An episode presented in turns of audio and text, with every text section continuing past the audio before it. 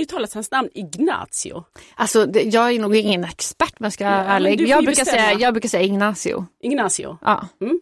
Ignacio, Ignacio eller Ignacio, ja något sånt tror jag. Ja. Det är baserat på en kompis som var ihop med en kille som heter Ignacio. Jag tyckte det var så Okej, men det är sexigt namn. lite anna- annorlunda när man ska läsa. Pocketpodden. En podd för dig som älskar pocket. Hej hej! Vi värmer upp januari med passionerad förälskelse och stenhårt maktspel i advokatbyråmiljö. För det är det man får i Helene Holmströms roman Falla fritt. Hon är en ny svensk romansförfattare och min gäst här idag. Men först en Pulitzer Prize-vinnare, Jennifer Egans Goon Squad. Välkommen till Pocketpodden, jag heter Lisa Tallroth.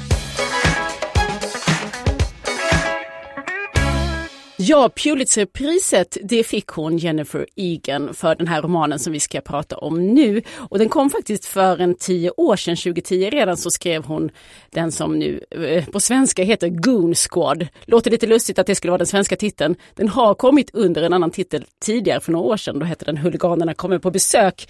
Men Goon Squad ringar in det hela lite bättre, tror jag.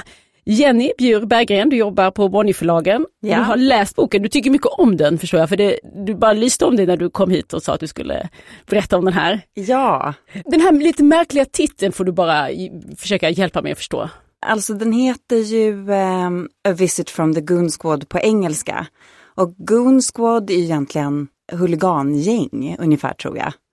Men så handlar det ju snarare om att en av karaktärerna i boken använder goon-uttrycket som en definition av tiden. Att de människorna är liksom offer för tidens gång ungefär. Och att det är som en huligan som jagar en. För tidens gång är det centrala temat. Vid Pulitzerpriset så skrev de någonting om att den, hon hade lyckats fånga hur det är att bli vuxen och åldras i den digitala tidsåldern. Det är ingen rak story det här.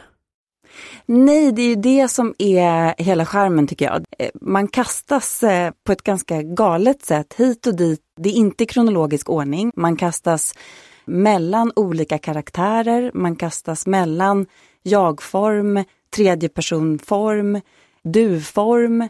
Det är liksom å ena sidan ett virvar, å andra sidan en fullkomlig logik liksom mot slutet. För allt hänger ändå ihop.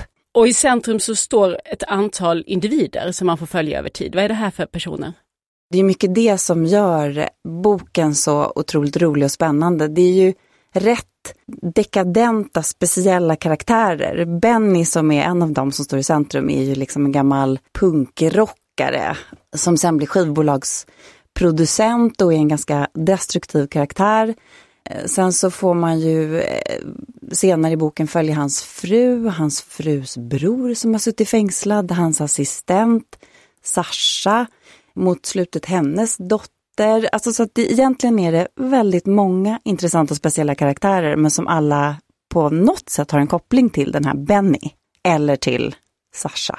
Och vad är det för miljö? Det är New York, 70-tal till nutid skulle jag säga.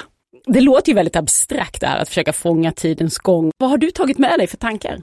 Det är väldigt extrema karaktärer men ändå handlar det ju oerhört mycket om livet och det som faktiskt eh, gäller oss alla. Att man eh, inte kan göra något åt tidens gång. Att man måste förhålla sig till tidens gång, till omständigheter som man inte kontrollerar. Och det gör att den också liksom har, man tänker på den efteråt. Man, man bär med sig den. Jag vet inte om det är sista kapitlet eller näst sista kapitlet, men precis i slutet så är liksom berättarformatet absolut eh, helt unikt, jättespeciellt och mycket överraskande. Eh, jag vet inte om jag ska säga vad som händer. Det kan man säkert googla sig till. Men, ja. men och det är ett så roligt och speciellt eh, grepp så att det blir liksom bara med lust som man lägger boken ifrån sig, det tycker jag. Du går fortfarande att fundera lite på den. Ja men lite och jag har ju fortfarande, jag är liksom lite otillfredsställd ur min eh, Jennifer Egan besatthet som ju faktiskt, eh, jag upptäckte henne via Manhattan Beach så jag hade inte läst den här Pulitzer Prize eh, till trots. Som kom innan då, Manhattan Beach. Som verkar som ju en helt annan roman. Det En är ju helt mer annan en roman. klassisk historia som utspelar sig Ja. sammanhållet i, och under andra världskriget. En mer roman-roman, så episk berättelse. Precis, har väldigt lite egentligen med den här boken att göra, annat än att eh, som hon berättar och skriver, det är något väldigt speciellt och modigt och eh, oemotståndligt tycker jag. Och det är ju gemensamt. Så att eh, jag är sugen på mer. Mm. Hon är en spännande figur, Jennifer Egan. Hon är ju också ordförande för amerikanska PEN. Apropå att vara modig kan man behöva vara ja. just nu i USA om man företräder journalisterna och skribenterna. Men tusen tack Jenny Bjurbergen för att du kom hit och gav oss tipset då att läsa denna Goon Squad, Jennifer Egan. Tack själv. Pocketpodden. Ja, i romanen Falla fritt där möter vi advokaten Charlotta Kvist som kämpar för revansch på uppväxtens mobbare och ett erkännande för allt arbete hon gör för en av Stockholms mest framstående advokatbyråer. Ignacio Vargas, han är hållbarhetschef på ett stort modeföretag och han kämpar för hög etisk svansföring. Mellan dessa två uppstår passion och vild förälskelse, men vad de då inte vet det är att de strax ska hamna på varsin sida i en svår rättstvist. Och det här är en tvist där både hans och hennes karriär står på spel. Och nu får de ju faktiskt inte ens träffas. Och författaren heter Helene Holmström. Hej och välkommen till Pocketpodden. Och eh, om man ska lära känna dig lite grann, på Insta så står det kort och gott, dricker vin och skriver kärleksromaner. det låter ju eskapistiskt, precis vad man tänker sig att en romansförfattare ska göra. Men det finns ju lite mer om dig som är värt att veta. Bland annat delar du ju yrkesbakgrund med din advokathuvudperson Charlotta Kvist, eller hur? Precis, det stämmer bra. Och eh, jag dricker inte vin hela dagarna. Det, det, blir ett par kvällar i veckan kanske, där jag också skriver. Men, men jag jobbar som jurist och har jobbat på advokatbyrå tidigare, precis som Charlotta. Det var då jag egentligen fick uppslaget, kanske inte just för den här romanen, men, men att jag verkligen ville skriva om advokatbyråvärlden. Vad är det med den som du känner lockar? Men den är så... Eh, Ur det här perspektivet, jag menar, att skriva om? Jag, jag tror att det, det är ju inte en eh, slump att advokatbyråvärlden skildras så mycket i tv-serier, populärkultur framförallt då. Tv-serier, eh, filmer och böcker och så vidare. Därför att det är liksom en, eh, en värld med väldigt mycket intriger, mycket maktspel och så vidare. Och, eh, vilket jag tror beror på att folk jobbar extremt mycket och människor har hela sina liv där i princip. Så det blir liksom hela deras värld i stort sett. Men också att det... Eh, jag hade turen att få sitta och prata med eh, en, en brittisk feelgood-författare på feelgood-festivalen i somras. Och det var Lucy Dillon och hon sa att hon sa, jag, jag tror att det här med att ehm, advokatbyråvärlden, att det lockas mycket är lite här med också att man jobbar så mycket med deadlines och det handlar så mycket om eh, pengar och summor och så vidare. Alltså det handlar om miljoner, miljonbelopp som går till spillo om du inte hinner i tid och så vidare. Det blir väldigt stort tryck och stor press på folk och det är väldigt intressant att jobba med när man skriver. Så den delen känner du igen från din egen erfarenhet, det här med intrigerna, maktspelet? Absolut, absolut, verkligen jag tycker att jag hade jättebra kollegor och sådär när jag jobbade på byrå. Det ska jag inte säga någonting annat om. Den tycker jag faktiskt att jag hade. Men jag vet ju andra människor som råkade ut för eh, ja, men liksom lite vuxenmobbing i princip. Och det förekommer ju på alla arbetsplatser såklart. Men just det här med det är så mycket affärer. Alltså folk är verkligen otrogna till höger och vänster och det händer mycket saker på fester. Det händer det mycket, mycket saker fester. på Ja absolut. Men det är också för man har hela sina liv där. Och när jag jobbade där då var man ju så ung så då hade man inte familj och sådär. Så då var det ju så här ja men då tar man en avis, så är man kvar hela kvällen så går man ut och festar ihop. Liksom. Eh, om man tyckte alla andra så skulle sina familjer vara supertråkiga, men det var ju de som var mest eh, normala av oss alla. Och det dricks mycket och jag vet att Ebba, min förläggare, sa när hon hade läst boken, henne, en av hennes kommentarer var så här med alkoholpolicy, finns det ingen sån? Det har ju vi en ganska hård här på Bonnier liksom. Och då var jag så här, ja, så var jag tvungen att kolla med mina kompisar, för det var ett tag sedan jag slutade på advokatbyrå. Det var 2013 slutade jag på byrå. Så jag hörde mina kompisar som jobbar kvar, har ni en alkoholpolicy? Och så, bara, nej det finns inga. Liksom. Så det är så här, Vi försöker dricka speciella. en glas. Ja men precis, exakt. Det typ det. Jag vet att det var en, eh, jag vet att det är någon byrå som har att de inte får stark sprit på festerna längre för att folk inte kan hantera det. Liksom. Och då bestämmer ju du dig för att skildra denna. Nu har du i och för sig lämnat byråvärlden, du jobbar som bolagsjurist idag.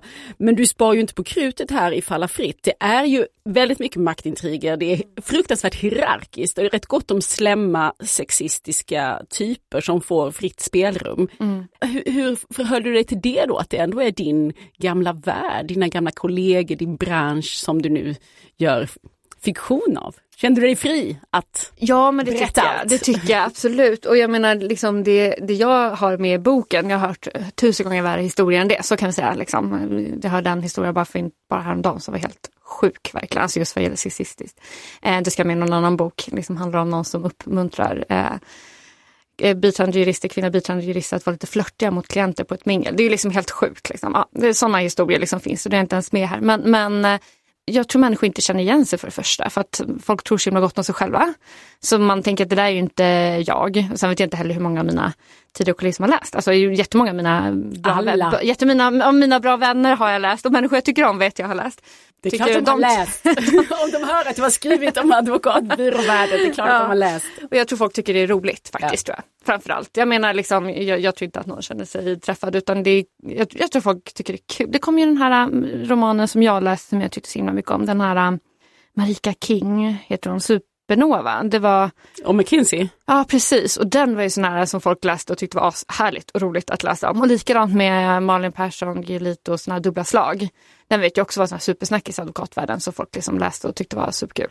Eh, så jag tänker att folk som har läst den här tycker nog bara att det mest är roligt snarare än att man blir illa Alla tror att det handlar om någon annan. Exakt, exakt så, exakt så. Ja, för det är inte bara trevliga typer som Charlotta stöter Nej. på. Nej. Vår hjältinna och huvudperson. Den här har kommit ut på romansförlaget Love Reads. Och det har vi pratat om tidigare här i, i Pocketpodden en del. Vi hade ju just eh, förläggare Ebba Östberg här för att eh, försöka reda ut vad romance står för idag. Hur man kan göra det på ett modernt sätt. Och eh, vad har du för tankar om det? Går det att säga någonting om vad romance är idag? Ja, absolut. Jag, jag tror ju framförallt upplever jag att det finns en svensk modern romance som är oerhört jämställd och modern. Men sen så tänker jag att det säkert fortfarande, alltså den romance jag läser, den här riktiga bra romansen, och jag, jag måste säga att jag tycker att romance är en av de mest välskrivna genrerna. För att det, är liksom, det är svårt att skriva enkelt. Det är svårt att förmedla känslor och så vidare på, på ett välskrivet sätt. Och jag tycker att det finns otroligt skickliga eh, anglosaxiska författare där det finns mest romance, liksom i USA och Storbritannien, eh, framförallt USA. Och det är så väldigt, väldigt bra skrivet. Så, så det är mycket av det jag läser, det är som en liten ny värld. Jag är väl precis som många andra, så här, när man var yngre liksom läste så Harlequin och så vidare. Och jag minns inte att det var någon så här jag kommer inte riktigt ens ihåg vad jag tyckte om det då, liksom så, men jag läste ju för att det var spännande. Jag minns att jag tyckte det var väldigt eh, eh lyxigt med det här vinet som låg på, jag läste någon sån här nutida romance, kommer jag ihåg, där de bara hade vin som låg på kylning hela tiden. Det tyckte jag lät jättehärligt. jag var typ tonåring. Men återupptäckte lite det här nu, nu liksom när jag blev äldre då, med den här, eh, framförallt eh, tack vare Simona Arnstedt som dels skriver jättebra böcker men också som har tipsat om och verkligen eh, förmedlat bra romanceböcker i Sverige. Och mycket av det som Love Reads ges ut är ju fantastiskt bra författare. Som Colin Hoover till exempel. Hon är ju så fantastiskt duktig på att ta upp svåra ämnen. Det är liksom mörkaste, mest eh, uppslitande sorgen egentligen som finns. Men också svåra relationer och samtidigt göra något ljust och fint och bra av det i slutändan. Och det är det jag tycker är så lockande med romance också. Att man kan jobba med svärtan och sen eh, göra något bra för huvudpersonerna i slutändan. Det tycker jag är väldigt kul. Och du har ju också en del svärta i Falla fritt. Eh, Charlotta kämpar ju med att hon har ju haft en uppväxt där hon har varit mobbad och gör, det här gör det svårt för henne att säga ifrån och hon blir faktiskt rejält överkörd ideligen i olika situationer. Och det är det ena och det andra är ju en, en väldigt mörk historia som ligger bakom den här rättstvisten som ju är central i boken. Det handlar ju om hur eh, stora västerländska modekedjor eh, utnyttjar billig arbetskraft i Brasilien i det här fallet. En fabrik där som då har brunnit och skadat medarbetarna och så vill man då inte ta ansvar för det. Så att, ehm, tänker du att det är sådana komponenter som gör liksom att romance har en plats i, idag? Eh, ja absolut och där kan jag känna då nu när jag har fått möjligheten att skriva en bok som folk får läsa också då med mina juridiska kunskaper. Och det, det här är ju helt nytt tema för mig måste jag säga, mänskliga rättigheter och, och hållbarhetsjuridik och framförallt sån här internationell juridik. Det kan inte jag. Så jag fick lära mig allt det här på nytt och fick intervjua jättekunniga och bra personer, gjorde väldigt mycket research. Och ju mer jag höll på med det här så blev det liksom, alltså jag blev så fascinerad men också chockad av hur det faktiskt är. Just att det inte finns några skyldigheter för eh, västerländska företag när sånt här händer. Och eh, Ehm, det var inte svar på din fråga inser jag. Men, men, men, Men jag tycker att det är fantastiskt då att man som författare också kan försöka ta sitt ansvar att förmedla sådana här saker. För jag menar det är ju konsumtionskraft i slutändan. Det är människor som verkligen har sagt att jag känner inte till att det var så här. Eh, alltså visst, folk känner ju till liksom att det är dåliga arbetsvillkor och så vidare. Men just så här, sådana här saker händer och att ingen tar ansvar för det. De här människorna liksom står där helt eh, alltså skadade för livet och så vidare. Och, ja, och det är många av böcker som tar upp sådana tunga ämnen och har viss, vad ska man säga, liksom samhällskritik och eh, jag tycker att man som författare också har lite skyldighet att jobba med det. Men det är ju lite någonting som smygs in lite grann, eller hur? För även din bok Falla fritt, när man tittar på den sådär på, på ytan och det som man pushar för så är det ju det, liksom det eskapistiska och romantiken och passionen och det här som också finns i boken. Men att det handlar om eh, dåliga arbetsvillkor i tredje världen eller mobbing. Det är ju ingenting som någon sätter på ett omslag av en, en romancebok. Nej, det, det, är en intressant eh, poäng. Nej, det har du faktiskt rätt i. Och det är väl säkert människor lockas väl framförallt av genren skulle jag säga, romance. Viss mått av samhällskritik tror de flesta böcker har på något sätt för att ens kunna ges ut att det finns ett visst djup i det, så skulle jag säga.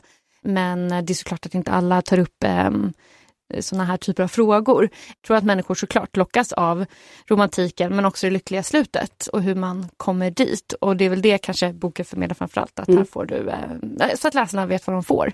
Och då kan man ju passa på att jobba in lite annat i det också. Fast jag tycker ändå det var talande för även när, när Ebba Östberg och jag pratade om eh, romance och flera exempel då ur, eh, ur den här floden av det som ges ut idag i Sverige så är ju det här typiska inslag. Det är en utvecklingsresa, det finns liksom kanske ett feministiskt uppvaknande, det finns olika typer av eh, samhällsfrågor som också ska, det, det ska vara mer än bara den enskilda relationen, den måste ha en inramning. Funderade du kring den här liksom cocktailen? Hur mycket kan jag mixa in i min historia? Var det en eh, svår avvägning. Jo men det var det väl absolut. Och jag tror att det mitt första utkast var mycket mer juridik till exempel. För det blir lite så här när man suttit och gjort research så vill man ha med allting och så sitter man där och liksom... Och ni är ju så noggranna ni jurister ja, också. Precis, precis. man vill ha det exakta formuleringarna måste Ja men det blir ju lite så. Det blev lite så ibland. Så sen så fick jag skalade av lite allt eftersom och sådär. Så man får, det blir en avvägning. Och det är säkert vissa som tycker att det fortfarande är för mycket och vissa kanske vill ha mer. Så det är ju svårt att göra alla nöjda. Men, men, eh, jag tyckte det var intressant. Ja men vad ja. bra. Vad bra. Nej, men jag har försökt göra en viss avvägning. Det som var väldigt kul att använda som rättstvist det blir att det blir en viss dramaturgi av rättstvisten i sig som man kan följa i boken. Och det tycker jag var väldigt, väldigt spännande att jobba med. Så det var ju den egentligen som fick sätta dramaturgin och forma deras kärlekshistoria lite grann också. Och vad kan vi säga om Charlotta Kvist? På vilket sätt är hon en modern uh, romance-hjältinna? Det, det tycker jag är rätt svårt att skriva med henne för hon har ju den här bakgrunden som gör henne ganska... Alltså hon är ju väldigt stark, duktig och så vidare och kämpar och jobbar. Alltså att hon har det här bakom sig, det har kanske inte så, göra mycket, mm, så mycket med att hon är kvinna egentligen utan det har nog att göra med att hon var mobbad som barn och så vidare. Sen så kanske, eh, hon har ju en nemesis då på arbetsplatsen som heter Oscar. När jag skrev honom så tänkte jag att han var en sån här person som man kanske har stött på någon gång som märker liksom en svaga punkt och trycker på det väldigt mycket. Liksom lite som manipulativ person och så är han ju med henne. Alltså han eh, får henne att göra saker och mm, han tar åt sig äran för allt jobb hon gör och så vidare. Och hon bara blir helt eh, passiv liksom, med honom. Fast hon är inte så i andra sammanhang. Men med just den här personen så blir hon det just för att han är liksom, lite av en mobbare egentligen. Jag ska säga det som gör henne till en modern romancehjältinna är väl att hon eh, dels att det är hennes resa det fokuseras på i boken. Eh, och hennes utveckling och så vidare. Det är hon som står i centrum och det är hon som liksom brinner för sitt jobb. Och hon eh, är inte redo att ge upp det för någon man och behöver inte heller göra det. Utan hon får sin karriär och eh, hon får även kärleken. Och det är väl det som är det fina med romance, just som du var inne på, att det är ju kvinnors utveckling som står i centrum. Det, det kretsar ju kring kvinnor på ett helt annat sätt än vad det gör i, i många andra genrer skulle jag säga. Och en annan sak som jag tror den här genren har lite mer av än många andra, det är ångande sexscener. Mm, det kan nog stämma. Och det bjuder du på, en hel del sånt. Skrev du dem själv från början eller var det, nu misstänker jag här, var det Simona Arnstedt som gav dig en spark i baken och sa att ta nu ut svängarna, eller? Nej, nej. Hon är ju bäst på att skriva sexscener så kan man säga. Jag, det är så himla svårt att skriva för det första. Men ett tips som hon har gett mig och som jag verkligen har tänkt på det är att eh, det ska inte vara en sexscen bara för sexscenens skull utan det ska faktiskt eh, leda någonstans eller säga någonting karaktärerna och det tycker jag försöker tänka på när jag skriver de scenerna väldigt, Alltså det kan visa sårbarhet, det kan visa styrka, det kan visa massa olika sidor hos en person för man är också som mest sårbar i en sån situation. Och det försöker jag jobba mycket med när jag skriver de scenerna och att det ska ha ett syfte. Alltså som den här boken, de sex scenerna, de förändrar ju de här personerna på, på vissa sätt. Och... Men du tar ju läsaren genom hela akten så att säga. Ja. Det, är inte så att lamp, ja. lampan släcks och Nej, sen är det men det är morgon. en del romance som är så också. Så det, jag måste säga, det är inte typiskt romance egentligen sexscener. En del romance har det och andra har ju verkligen släcka lampan. En av mina favoritförfattare, Kristen Higgins, hon är jätte, jättebra. Eh, hon där släcks ju lampan liksom. Eh, ja, nej men så är det. Och det är både kul och svårt att skriva. Så kan man säga. Och du kom fram till att du skulle låta lampan vara tänd? Ja, ja precis, ja. precis. Ja men det vill jag nog. För det tror jag faktiskt att, det tror jag faktiskt. Jag, nu, det är svårt att dra över en, alltså så, men jag tror att många svenska romansläsare förväntar sig det. För vi är ändå relativt liksom jag menar det finns mycket sexskildringar i annan kultur och, och så vidare och, som det inte liksom hyschas så mycket om utan så jag tror att svenska nog läsare förväntar sig att man får vara med. Det var ett tips där du hade fått av Simona Arnstedt. Jag undrar, är det några andra saker du har plockat upp på den här debutantresan som du har gjort? Oj, eh, gud jag har lärt mig så otroligt mycket. Men jag tror, om man ska bara säga en sak som det kanske bottnar i, det är väl att alltså för mig har jag alltid, alltid, alltid, alltid velat skriva. Men har inte riktigt kunnat. Alltså mer så här, man, jag har varit så självmedveten när man har suttit ner. Liksom. Jag ville bli författare redan på högstadiet. Liksom sådär. Och för, för mig släppte jag när jag gick en skrivkurs första gången. Det var på Ölands folkhögskola och då var man tvungen liksom att skriva någonting för man skulle läsa upp det sen. Och det var verkligen då det släppte för mig. För att det var en väldigt, väldigt snäll miljö, människor som var i precis samma situation som jag. Som läste och bara sa snälla och positiva grejer. Sen så också bara för att få rulla, alltså egentligen bara att skriva så har jag ofta tillåtit mig själv att skriva dåligt. Alltså bara få ner det på papper det jag vill skriva och sen så kan man göra någonting åt det sen. Men inte tycka att varje ord är... Ibland kan man liksom tycka att en mening blir skitdålig, men då får den vara det. Då kan man rätta till sen, det är bättre att ha någonting att jobba med. Så jag tror de två sakerna. Och nu verkar det ha lossnat, för en uppföljning är ju klar, kommer här i januari också. En, en delvis fortsättning, du tar tag i några andra figurer som har varit bifigurer i den här första historien som nu blir, får större plats i den nya romanen Sikta högt. Precis. Det är Victoria, hon är eh, exfru till en eh, slirig advokat i Falla fritt som man ogillar mycket. Eh, och hon är bedragen och eh, arbetslös och får då jobb på Svärd Partners. Och hon börjar jobba med en stor börsintroduktion och hon vet också att eh, hennes exman har haft med den här eh, transaktionen att göra och hon vill hämnas. Och samtidigt så blir hon då kär i vdn på det här bolaget som ska börsintroduceras. Så hon använder hans företag i hämnden mot sin exman. Så det uppstår en del komplikationer. Han förtjänar verkligen en hämnd. En hämnd. Ja. Det här slemmet som ja, Han är riktigt vidrig i andra ah, boken också kan okay. jag säga. Ah. Bra, jag hoppas att du har, har planerat in en, en saftig hämnd till honom. Den kan man då få läsa om i Sikta högt som kommer här i januari men vi har ju också då Falla fritt om man vill lära känna det här gänget från början. Tack så mycket Helene Holmström för Tack att du kom själv. hit till Pocketpodden. Tack för att jag fick komma.